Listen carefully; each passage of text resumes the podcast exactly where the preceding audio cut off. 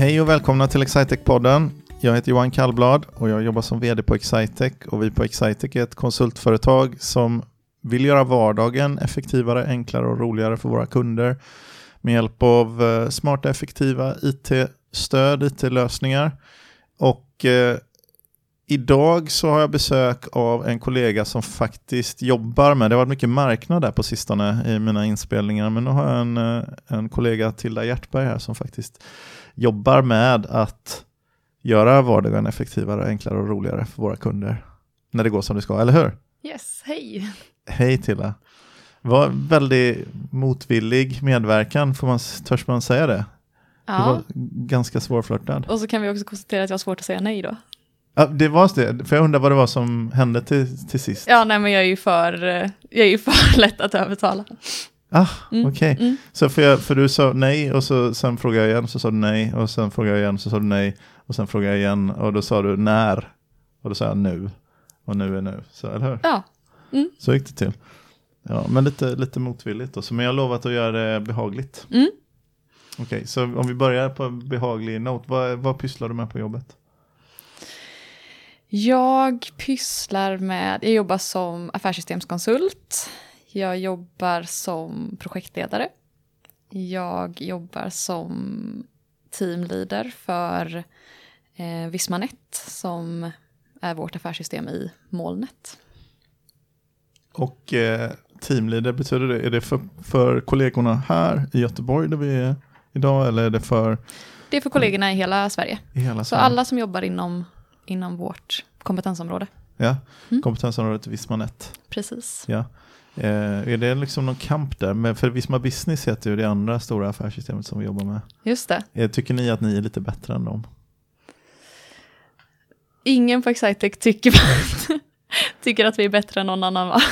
Nej, Nej. men, men Ehm, nej, vi tycker inte att vi är bättre än dem. Men vi har ett annat erbjudande Ja. än vad Visma Business har. vad är det bästa med Visma Net-erbjudandet då? Eh, det är att ehm, det är enkelt. Att det ligger i molnet. Att eh, det är ett eh, ja, enkelt affärssystem att komma igång med. Du kan komma igång ganska fort. Du kan automatisera väldigt mycket. Eh, ja, intuitivt, brukar många kunder säga. Ja, det är bra. Har du jobbat med, jag höll på att säga om man skulle fråga vad det sämsta är, det passar sig kanske inte, men jag tycker en grej, apropå intuitivt, det var, jag träffade en kund som körde igång precis för ett år sedan tror jag, och då körde de igång systemet och sen en vecka senare så bytte det gränssnitt. Eh, kommer du ihåg det? Mm, Det, var, man, det kom ett nytt gränssnitt till det för något år sedan, sisådär. Och yes. det är lite intressant när man har ett sånt här moln cloud mm. levererat system, att man kan inte riktigt styra själv när man ska göra uppgraderingar och sånt. Nej men absolut. Det är ju lite häftigt, tycker jag. Mm. Det fina Att är att man kan- kommer inte efter med uppgraderingar som man brukar göra med gamla system. Att det liksom systemet är Precis. gammalt för att man inte har uppgraderat i tid. Exakt. Ja. Mm, Så men eh, det intuitiva, blir det mer intuitivt med nya gränssnittet? definitivt. Ja. Så det har varit min kontring till den här kunden som eh, Ja. var lite missnöjd över detta. ja, jag jag tror just de som jag pratade med där, de, var, de tyckte nog mer, de var nog mer förvånade. De, de, Gick från jobbet på fredagen och Ja. lämnade ett affärssystem och kom tillbaka till ett det annat. jobbiga var väl för dem då att de hade väl precis lärt sig. Så de hade Antagligen. precis utbildat sig, det så här det ser ut. Ja. Har du jobbat med några sådana här, finns det några, några liksom typkunder som är, hur, hur är en typisk användare av Vismanet? Oj, vilken bra fråga. Ehm, men nej, inga typkunder. Nej, Alltså, nej, jag jobbar med alla olika typer av företag. Allt ifrån liksom, företag i nöjesbranschen till entreprenad till... Ja, Va, är det några, finns det några kända företag som använder Vismanet? Det beror på Mm. sig känt blir man ju om. mm, absolut. är Ska jag rabbla? Nej, jag tänkte om det finns, det finns något varumärke någon som någon har hört talas om. Eh, Universium, Göteborg. Ja, Är det, eller vad säger du? Jag är göteborgare, jag tänker att det är ett känt varumärke. Ah, jag vet inte faktiskt. Nej, nej, då är det så. känt? Då var det Vad är dåligt, Universium eh, för något? Eh, upplevelsepark, eh, eh, lite experimentpark typ. Regnskog och apor Ja, kännetecknar Universium. ah, Mm. Eh, SSAB, Vismanet. just det. Mm. De är kända tycker jag, som så här Ja, industrigubbe. det kanske var det jag skulle dra som första Nej, nej, istället det är för bara Universium Ja. Göteborg. SSAB, Brooks, Brooks, för alla löpare. Löpskorna, ja. Mm. ja. Ja. Ehm, Naturskyddsföreningen. Alltså många, det är ganska kul. Det är Ja, många det är olika. verkligen ingen, jag hittar inte alls den röda tråden. Nej, det är olika så här storlekar. Det är allt från eh, Örebro Stadsmission till SSAB. Ja. Eller eh, ehm, företag som bara har liksom enkel ekonomi, andra företag som har mer komplexa flöden där vi har behövt- då liksom bygga olika typer av integrationer, där Visman är motorn. Ja, olika. Ja. ja, det var verkligen brett. Mm. Tror du, är det något särskilt då, så om man väljer det, det här med ett affärssystem i molnet då, är det för att man, är det, tror du att det är det som många lockas av då? Att det ska vara en enklare så här implementationsprocess och sånt? Jo, men det tror jag absolut, för att många företag nu också har en, en molnstrategi. Och då blir det också ganska naturligt att alla it-system ska, ska ligga i molnet. Ehm, men, eh, vad var din fråga? Nej, jag undrade egentligen om, om liksom det finns något som förenar, om man inte förenas av att man är i olika branscher, liksom, förenas, eller av att man är i samma bransch, men Mm. förenas man av någonting annat? Jag tror att man förenas av att dels, dels det här som vi har pratat om, att det, man lockas av att du behöver inte göra några uppgraderingar av systemet och så vidare. Man lockas av att det är en så enkel produkt att komma igång med. Eh, Du kan komma igång ganska snabbt. Har du jobbat Mm. något med Karlshamns Energi? Ja, lite. Lite grann. Vet du om att vi är i, det projektet är finalist i årets affärssystemsprojekt? Nej, Ja, visste du inte om det? nej det visste jag inte. Nej. Då får du läsa Intrakoll, den har inte kommit ut än, men Nej. vårt interna nyhetsbrev får jag väl. Hur blir man finalist i detta? Man, någon anmäler den. Det är ett företag som heter Herbert Nathan som har en stor, ehm, de har en mässa som heter Forum för affärssystem och HR-system, någonting i Mhm. den stilen. Och så utser de då varje år, de har gjort det i tre, fyra år i alla fall, ehm, ett antal kandidater. Man får anmäla projekt som man tycker har varit eh, intressanta och välskötta och så vidare. Då. Så har de någon jury som tittar på anmälningarna så utser de några finalister. Så vi är en av tre, Karlshamns Energiprojektet är en av tre finalister då i det här Nej, vad häftigt. Ja. Det måste ju kommuniceras till dem. Ja, Det det, kommer vet de ju- Ja, men det har vi gjort. Ni har Vi gjort ska, det? Ja, Ja. och hon som är ekonomichef där, vi ska faktiskt ta en intervju nu klockan fyra. Det är lite speciellt. Ja, hon ska vara podddeltagare ja, nummer fem. nästan. Nej, ja, hon ska inte vara podddeltagare just, utan det ska vara det är en eh, intervju med juryn faktiskt. En juryintervju är det då, Mhm. klockan fyra, som jag ska vara med på. Jag kan ju ingenting om det där, men, eh, men jag kan ju lite för jag har läst anmälan och sådär. Just Så det. vi ska prata om det där. Så, så, men jag tyckte, ja, det vore kul, eller hur? Vi har aldrig vunnit det priset. Vi var faktiskt finalister förra året också, men då var det faktiskt Visma Business Mm. med HBV, husbyggnadsvaror. Den, det projektet var finalist förra året. Mhm. Då kom vi tvåa. Eller vi vann, jag vet inte om alla var, om man antingen vann eller så kom man tvåa. Vi var en av tre finalister i alla fall, men nu är vi det i år igen. Så att, ja, det var därför jag frågade om Karlshamns Energi. Egentligen. Ska vi ta hem det här priset nu då? Ja, vi är trött härligt. på andra platserna nu Ja. för det här året va? Ja, exakt. Mm. Det är faktiskt eh, härligt. Så de, Mm. det, de, de kör den och lite medius och lite integration till ett HRM-system och lite någon enklare integ- integration till, till Mobigo också. Så att eh, det var, ser ut som ett ganska rejält projekt. Mm. Inte ett superstort Mm. projekt var det ju inte. Men, eh, men det var inte superlitet heller. Så att det var väl ett, det var ganska kul. Mm. Få lite uppmärksamhet med eh, Verkligen, ja just det, för de har så många. De kör så många system. Vad kör de? Ja. Medius, Vismanet, Mobigo eh, och Flex HRM. och Flex HRM. Ja. Frågan är om det var någonting annat. Nej, det var nog det Mm. som de körde. Men de bytte ut, innan hade de Visma Kontroll på ekonomi och faktiskt Visma Business på logistik. Så de har Vismanet, de har även logistikdelen i Vismanet. Mm. Så de kör även, ja, för många kunder, ganska många, hälften kanske kör bara ekonomi va? ja, mer än hälften Mer tror jag till och med. Ja, Mm. jag skulle tro det också. Det, mm. Jag jobbar ju främst med ekonomi till exempel. Jag jobbar Ja. väldigt lite med Ja. logistik. Vad, har, har du ekonombakgrund? Ja, Ja. det här. Vad, hur har man det då? Vad, var Jag- kommer du ifrån förresten om vi börjar där? Jag kommer från Göteborg. Du kommer från Göteborg? Mm. Och eh, läste här på Handels i Göteborg. Så Ja. jag läste, ekonomi och sen så läste jag lite logistik. Eh, och sen så gjorde jag en liten mellanladdning på Vagabonds huvudkontor. Ja. Jag jobbade där med logistik. ja. Och sen hamnade jag här. Var, var Vagabond, Mm. eh, alltså sko, Yes. sko, sko Mm. Var, var ligger de förresten någonstans? Det finns ju mycket här i trakten. Ja, Vi har ju en stor De kund i ligger Varberg. där. som- Precis, ligger de, det är ju där. Ah. Varberg är ju skomeckat. Ja, just det. Ja. De är lite snäckt. Nilsson Group Ja, är ju det här. Då. precis. För visst var det så? För det hörde jag nog att det var samma ägare eller grundare eller någonting. Vagabond och Nilsson har haft någon, någonting ihop förr i tiden. De har Jajamän. det inte längre. Ja. Var det så? ja, men precis. Det är väl Vagabonds gamla ägare, eller nuvarande ägare, är väl nu vd på Nilsson Group. Men nu var det senaste jag hörde att han eh, slutade där och var tillbaka på Vagabond. Jaha, Så de, det antingen tycker de om varandra eller också tycker de inte alls om varandra. Nej, ja, mycket familje, ja, familjeföretag i alla fall. Nej, Bara vi kan flytta skor med hög effektivitet så, vi så, håller oss, ja, så håller vi oss vi håller oss ifrån från- det där på Excitec tror jag. Jajamän, Men liksom, Vi bjuder inte hit hela, hela, våra, hela familjen. Ja men det är lite spännande ändå för det är ju ett eget brand. Jag antar att Vagabond har inte egna fabriker va? Utan de, men de tillverkar bara, eg- eller de, de brandar och designar antagligen. Ja, precis. Men de har egna fabriker också. Ja de har det? Mm. Okej. Så de har väl fem... Ja, när jag jobbade där, jag vet inte. Sen har jag säkert glömt saker på vägen också. Ja, Men ja. fem fabriker Ja, hade de då. Varav jag tror de ägde fyra typ. ja okej. Det, har en, ja, det påminner lite om en, ett annat företag som, som har egna varumärken som vi jobbar mycket med nu. Det är blåkläder.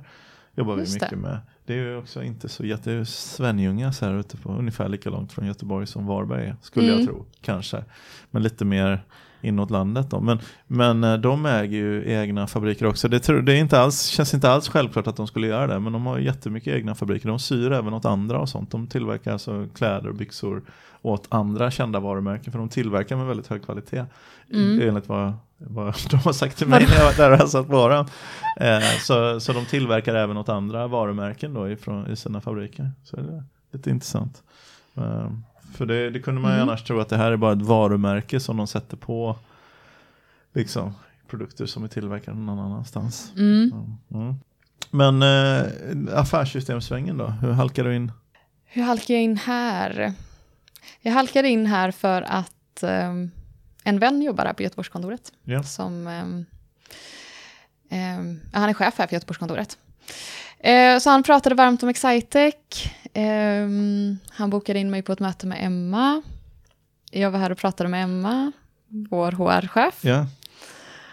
Och ehm, Är det, för, är det föräldralediga Adam vi pratar om? Här? det är föräldralediga Adam vi pratar om, precis. Och eh, jag vet inte, blev väldigt kär i företaget efter... Alltså, dels Emma är ju en bra säljare. Hon Emma är våran HR-chef, alltså Belenius. Känd Precis. från Excitec-podden, sådär nummer 40-ish kanske. 40 yes. Men, nej, men blev väldigt kär i Excitec och liksom kulturen här och att eh, jobba med jobba med ekonomi och ja, men kanske framför allt så här liksom projektledning och jobba, jobba i projekt och så vidare. Det var nog mycket, så här, många delar som jag tyckte så här, det här verkar som ett kul jobb. Och, och nu då, med lite distans till det, vad tycker du nu? Så tycker jag fortfarande att det är ett jättekul jobb. Ja, vad Så här, ett och ett halvt år senare så känner jag så här, ja men här är ett företag som jag nog Där skulle jag kunna tänka mig att jobba. Nej. Ja, där skulle jag kunna tänka mig att vara. Ja. Nej, men jag kan känna så här, här skulle jag kan tänka mig att vara ett tag. Jag, jag fick förresten en, en idé, en helt annan idé som vi skulle skriva ner. Att någon, eh, du har ju träffat Emma då och, Mm. och så vidare och jag känner henne väl såklart. Eh, vi har, jag har gjort ett, gjorde ett poddavsnitt med henne. Mm. Eh, jag tyckte inte att det varit ett av de bästa poddavsnitten. Jag tror jag hade för höga förväntningar för jag har jobbat supernära Emma jättelänge men det blev som att ganska ofta när jag ställde någon fråga då visste jag ju typ svaret på den. Ja. Och då började jag hämma eh, mig också i fråga om vilka frågor ställer jag? För jag kan ju inte liksom jag kan ju inte Mm. ställa frågor som jag vet om någonting kan bli för personligt eller för så att jag tror att jag blev lite hämmad i, i utfrågningen. Eh, Just eller det. så var det bara tråkigt för mig att jag inte hade rätt nyfikenhet. Det roliga skulle varit om du spelade in ett avsnitt med Emma där du intervjuade henne. Absolut. Någon annan, eller hur? Sätt oss i ett rum, jag tar din stol. Ja, och så exakt. sätter du Emma här. Exakt Mm. vad jag menar. Visst är Ja. det en, en roligt specialavsnitt? Absolut. Någon, man kan köra med Emma utan att, eh, för det blev lite hämmat av att veta så oerhört Ah, mycket om någon. Absolut, säg till. Så jag frågar, jag frågar dig om saker nu så vet ju inte jag vad svaret kommer bli alls. Så då kan man liksom Mm. bara släppa loss sin inre nyfikenhet så blir det förhoppningsvis bra. Mm. Bra fråga. För jag har ingen, eh, jag vet ju jättelite om dig. Bara. Förutom, jag vet ju när vi, eh, när vi samtalade för första gången, skulle jag påstå att det var i, när vi åkte skidor va? Åre. Ja, Mm. i Åre. På vår kickoff där i vintras. Ja, för när du inte, om man gör en sån här övergång här då, när du inte jobbar, vem är du då? Typ av grej, och så kan vi prata skidåkning till exempel. Ja, mm. Ja. Ja absolut. annat. Vad gör du när du Absolut. inte jobbar? Jag ehm, tycker alltid det är så svårt att få den här frågan. Vad gör du när du inte jobbar? För jag Ja. menar, ja, vad gör man? Får, man får du ofta den frågan? ja, men är det inte ofta som får så här, berätta om dig själv, vad gör du när du inte jobbar? Ja, okej. Ja. Ja. Jag, ja men vissa, skidåkning, jag vill säga att jag är en skidåkare. Ja. Jag vill säga att så här, när jag inte jobbar så älskar jag att åka skidor. Men så bor jag också i Göteborg och har haft så här sju skiddagar hittills i år. Ja, ja. Men Så sju jag är kan- inte så dåligt för att bo i Göteborg. Nej, vi konstaterade ju förut när du och jag pratade, när du försökte Mm. övertala mig till det här, att det, det kunde varit sämre, men det kunde Mm. också varit bättre. Det är lite lurigt med skidor, för jag har en, en jag tycker om att åka skidor. Eh, men så, att köpa ett par skidor gör en inte till skidåkare. Eh, och det är ju lite tråkigt. Däremot så är det en annat av mina intressen då som jag, som jag har fått kritik för att jag alltid vill ta upp i den här podden. Det är, Är det segling då. Nej, men det är segling. Eh, och då är det så här att, men köper man en segelbåt, då blir man nästan seglare. Det är en sån definierande sak. Det är väldigt härligt med en segelbåt. Om man har en segelbåt så behöver man nästan inte försvara hur mycket man seglar. För det är ett faktum att man, det är ju, om man inte har en segelbåt så måste man försvara hur man är seglare. Ja, Men om man har ett par skidor, det räcker inte för att vara skidåkare. Ju. Det är ju inte så att du kan säga, ah, men jag har, jag, jag, vad gör du när du inte jobbar? Ah, men jag pysslar om mina skidor och så, jaha, skidor, så börjar man prata om det. Utan det verkar mer lite konstigt. ja, ja. Däremot eh, så är det inte med segling. Men eh, skidåkning, Mm. du har säsongat några säsonger. Mm, Mm. det har jag gjort. I, jag ska se om jag kommer ihåg det. Jag vill säga att det var i Hemavan eller någonting i den stället. Nej, men du är Nej. väldigt nära, Hemsedal. Hemsedal, Ja. ah, okej. Ja. Eh, mm, jag säsongade först två, ehm, två säsonger. Ja. Och sen så blev jag, då jobbade jag för Skistar. Ja. Sen blev jag helt rund, året runt anställd av Skistar som ja, men, butikschef och inköpare för deras, de har ju så här concept store butiker. Ja. Där de, ja, stora sportbutiker där de säljer alla möjliga skidprylar. Ja. Så då jobbade jag där i två och ett halvt år med ja, allt möjligt så här. Inköp, rekrytering, daglig drift. Bodde du i Hemsedal? Mm. Hur, hur mycket, liksom, hur styrt är eh, sortimentet och sånt i en Skistar-butik? Hur mycket fick ni välja att köpa in Alltså själva? idag så tror jag att det är väldigt styrt. Ja. Då var det inte speciellt styrt, för det var precis när det gick ifrån att vara liksom ägt av Hemsedal Skicenter till att bli ägt av, eh, eller liksom bli, till att gå in i det här konceptet, Skistar Concept Store, som då skulle det vara ett mer, eh, vad ska man säga, gemensamt sortiment. Mm. Så eh, när jag jobbade så hade jag väldigt fria händer faktiskt på vad vi skulle ta in, både i form av så här mjukvara, kläder och också hårdvara, så här skidor och så vidare var ute på mycket så här skitestdagar och fick testa igenom kommande säsongs... Eh, kan du då förklara den här, som vi som är lite mer distanserade till skidåkningen och, och kan förklara det här med hur det kommer sig att det är alltid typ 60% rabatt på alpinskidorna i slutet av säsongen. Är det för att bruttomarginalerna är så höga eller är det för att det är så fruktansvärt jobbigt att ha dem lagrade över vintern? Ja. Men bruttomarginalerna är inte så... Jo, de är... Jo, okej. Vad är en hög bruttomarginal? Om du, gör, om, du gör, om du har en liksom... Att ha mer än 50% i marginal. Mm. 50% är, är nog ganska högt i sådana Mm. ganska dyra. Ja. Jag tror inte. Jag tror cykelaffärerna har Mm. mer så här 20 Mm. 25% tror jag. Mm. Ja, men ja, visst. Du går ju inte minus om du säljer en skida för 60% i många fall. Nej. Om du har gjort ett bra inköp. Sen tror jag också det handlar om att skidåkare är så mycket prylnördar. Ja. Alltså ink mig själv. Ja, man vill inte ha jag går inte och köper förra säsongens skidor om Nej. jag ska köpa ett par nya. Nej. Jag vill ju ha säsongens, gärna kommande säsongs skidor. Ja. Just det, så det kanske är, det är helt enkelt att det blir så mycket mindre värt så att hålla på med hela böket och lagra Mm. dem över vintern. Det är bättre att sälja ut dem Mm. till nollmarginal. Än att, eh, men får ni nya skeppningar, kommer det liksom, är det så att jag menar att Head märker, vi har inte sålt så mycket av den här skidan vi hade tänkt oss, så börjar de trycka ut sådär i februari, mars, så börjar de få lite panik och så säljer de ut det billigt, är det kanske i flera led så börjar de rabattera till er Mm. och så kan ni rabattera kunden. Ja men absolut, absolut. Om du också har... Eh, ehm, jo men det är klart, att så här, de rear oss och vi rear i nästa led. Ehm, eller så här, de rear oss när säsongen är slut och då kan vi börja med något litet trevligt sälj där när kommande säsong startar. Ehm, Men då blir Mm. det ju förra årets skidor. ja visst. Ja. Men, ja, men det är ju det här, kombinationen mellan prylnördar och sen så har du andra halvan av skidåkare som är liksom prisjagarna. Ja, Mm. Mm. Och sen så finns det ju kombinationen av dem också. De som vill ha det senaste men ändå alltid ska ja pruta på allting. där känner jag mig mer. Den kan jag identifiera mig med. Du vill ha 2020 års skidor Ja, men du vill fortfarande ha lite rabatt på dem. ja, ja. Mm. Ja. Jag förstår. Idioterna kallar ni dem. Bransch, det är ett branschbegrepp ni använder för. Nej, Nej, jag du säger ingenting. Ja, just det. Fast du har redan sagt det med ögonen. Det kan inte ni radiolyssnare se här. Men, eh, hon himlade med ögonen på ett väldigt, eh, väldigt distinkt sätt tycker jag. Här. Eh, det här är bra radio förresten. Ja. Eh, det är bra mycket så handrörelser och sånt. eh, men eh, så Hemsedal några säsonger och en passion. Men sju skidor, är det rekorddåligt eller är du, är du på uppgång Ja. eller på nedgång? Nej, det är rekorddåligt. Ja. Var någonstans skidade du dina sju dagar? En av dem gjorde vi ihop i Åre. Ja, Ja. och sen så två resor till Hemsedal. ja. Mm.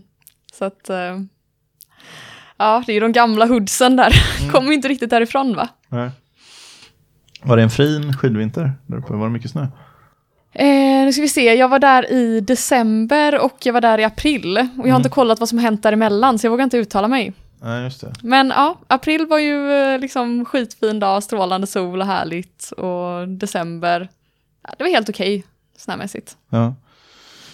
Men eh, mörkt i övrigt. Du, vi har ju ett segment i den här podden som heter Någon berättar om något. Och nu, eh, nu snodde jag skidåkningen för dig. Så att jag, det var jag som ledde in dig på skidåkning. Just så det kan det. ju nästan inte vara ditt något. Nej. Om du, om du är någon och får berätta om något, vad skulle du vilja prata om då? Det här gick ju tvärt emot allt du sa när vi gick in i det här rummet. det, Du ska bara skulle- få åka med. Du ska få åka med. Ja. Har du något förslag Johan? Eh, nej men vi skulle kunna prata om hur det är att säsonga faktiskt. Ja, absolut. Ja. Hur är det att säsonga? Vad, vad, har du kontakt med dem du säsongade med? Mm, några. Ja men alltså, ja jag har två av dem är liksom mina närmaste vänner idag och bor i Göteborg. Och... Kände, kände du dem innan? Nej, vi lärde känna varandra där. Ja. När vi var liksom 18 år. Ja, 19 men år. du det här mellan liksom, gymnasiet och universitetsstudier? Mm. Ja.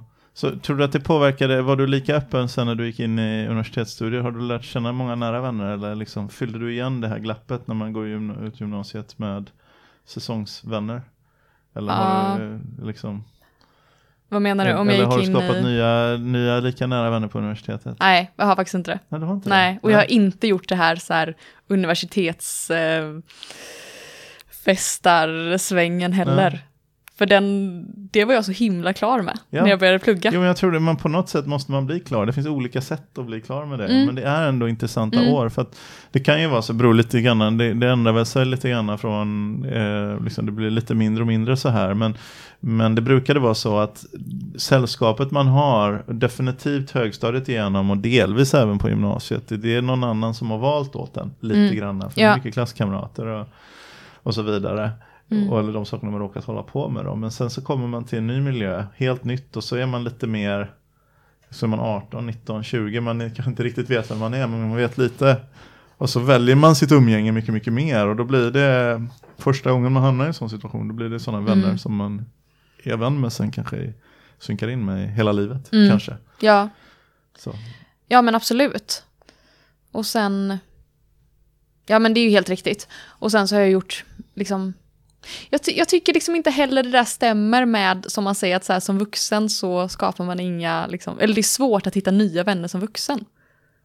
Det tycker inte jag. Alltså, jag har liksom, sen jag flyttade tillbaka till Göteborg, jag har hittat massa nya fina, Mm. jättenära relationer. Men jag gjorde nog inte de vännerna bland universitetsstudierna, eller i dem Men det liksom. kanske var så, då var de valda för dig. In, i liksom, eller valda, alltså det var inte du som hade valt vilka du pluggar med, det var så jag menar. Ja, Utan det är sant. Ja, Det, ja, men det är väldigt sant. Mm, Men jag tror precis. att det är lite olika hur öppen man är. För jag tror att eh, problemet med att lära känna människor i vuxen ålder är nog mer kopplat till hur öppen man själv är. För det är Mm. väldigt vanligt att man till exempel får vänner, eller på, säger jag då, min erfarenhet att när man har barn så kan man få, få vänner som är i barnens föräldrar och sådär. Och det är ju Mm. för att det är väldigt tillgängligt och smidigt och, Mm. och enkelt då i de sammanhangen och så har det hänt något. Så har alla varit med om en så här livsomvälvande sak. Man har gått från att inte vara förälder till att vara förälder liksom. Och så är man Mm. jätte, de andra vännerna som inte är föräldrar, de är ganska less på att höra. Och Liksom, jag förstår, det var stort för dig, du fick barn. Men det är liksom, i 200 000 år så har människan fått barn och uppfattat det som stort Mm. omvälvande. Liksom det, och jag förstår att det kändes just när du fick barn var det unikt för dig. Men det är liksom inte så här Leonardo da Vinci nyskapande nivå på din upplevelse av att få barn. Den är ganska lik alla de andras. Och jag delar den inte med dig, förstår du vad jag menar? Ja. Ja. Ja. Så kan man liksom bli så ett tag, så med all respekt för allt det här, så kan man bli lite trött på den berättelsen. eh, När någon berättar om hur, ena, hur de ser livet annorlunda. Och så här, När de får barn? Två, ja, eh, alltså om du inte har barn. Ja. Alltså, eller inte har Mm. samma barn. Men så träffas två stycken som nyligen har fått barn och så Mm. berättar de och så får man resonans mellan sig. Och, så, och det var helt nytt och jättenytt för mig. Och det var för mig också kände jag. Med. Ja. Så, shit, vi, har, vi delar något. Ja. Liksom, vi har båda barn. Mm. Precis som liksom eh, Ja. ja, 10 000 generationer före oss i och för sig då. Men, men ändå, det känns väldigt unikt. Så har man något, skapar man något unikt tillsammans och då får man en ny relation i vuxen Ja. ålder. Ja. Så, Mm. så kan det hända. Samma fas. Ja, men Ja, den, den tror jag, fas. det är som re- relationer. Alltså, Så, så Tilda säger det här med, med, liksom, med två ord säger hon det som jag har försökt liksom förklara på de senaste sex minuterna. Kan, Fast det är väldigt roligt att du säger detta. Jag stod, stod senast igår i mitt kök och så är jag så jävla nöjd över mina blommor som jag lyckats liksom driva upp och så här. Och så säger jag att, alltså, jag liksom kan nu plötsligt relatera till alla föräldrar som jag alltid har stört mig lite på, som är så liksom, man är så stolt och liksom det här är så fantastiskt med det här nya lilla livet. Och så här bara, en miljard människor har gjort det innan dig. Men det är ju typ, alltså en liten, liten promille av mig känner ju samma sak när jag står där med mina blommor. Alltså det här är inget Ja. liksom världsomvälvande, men Nej, Hallå? det är stort och så får Ja. du möta, men då hamnar du någon i en annan, i en annan tid. Som, jag hade en, en vi flyttade för massor av år sedan, flyttade jag till Kalifornien eh, och eh, bodde där i några år. Och, eh, och då visade jag sig att i Kalifornien så kommer alla, det är så oerhört många människor som inte kommer därifrån som bor där. Alltså, eller just i de trakterna jag bodde i Silicon Valley då, så var det så oerhört många människor som, som flyttade dit för jobbet och sådär. Och det gjorde så att om du liksom sprang på några människor så var chansen att de hade flyttat dit de senaste sex månaderna eller senaste åren, den var jättestor. Eh, Att, så att det var väldigt, väldigt lätt då gjorde det att komma in och det kom nya människor, det flyttade människor därifrån och sånt. Så man hade väldigt dynamiskt relations eh, element där som var väldigt, väldigt roligt. Så man lärde känna massor av nya människor. Sen kanske inte det blev superdjupa relationer. som dina grannar är som fascineras av dina blommor. Liksom. Det, kanske, det varar en stund. Men det var väldigt härligt. Men så kom, flyttade man hem och så tänkte jag på det en sommar när jag var hemma i Sverige då. Så var jag hemma i fyra veckor eller tre veckor eller någonting i den stilen. Och, så, så, så, och sen så åkte jag tillbaka till San Francisco då och så åkte jag åkte jag taxin hem till lägenheten och, så, och, och sådana saker. Och sen när jag hade varit där en dag, då kom jag på att eh, liksom, jag hade varit hemma eller i San Francisco då i ett dygn. Och sa att jag har pratat med fler människor jag inte känner på det här dygnet än vad jag gjorde på hela min semestervistelse i Sverige. ja. Och det tyckte jag var lite läskigt.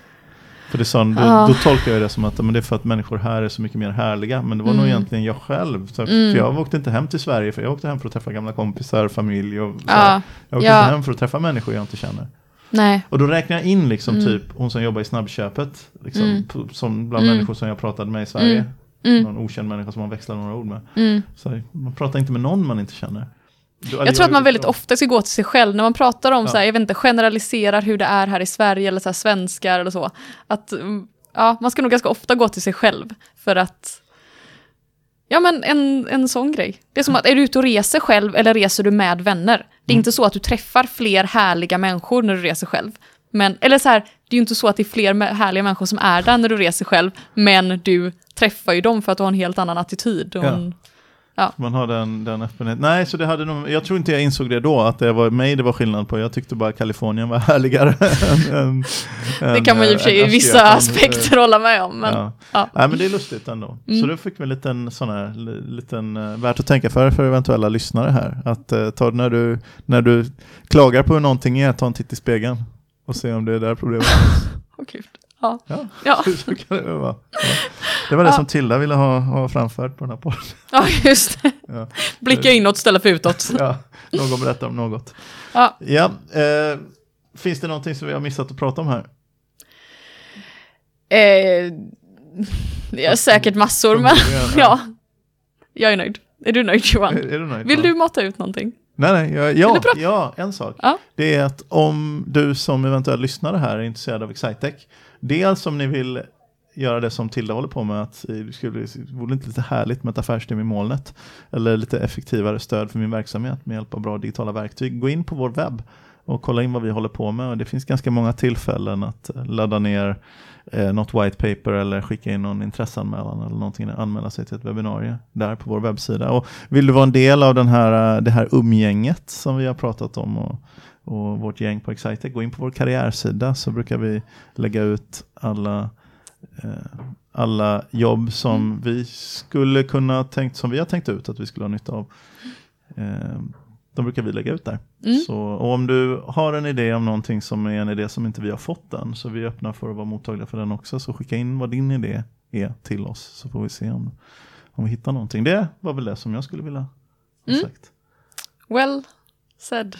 Ja, tack så Mm. mycket. Tack för att du, eh, ja, ville är väl att ta i, men tack för att du tog dig tid för att vara med mig på den här podden till. Tack så mycket.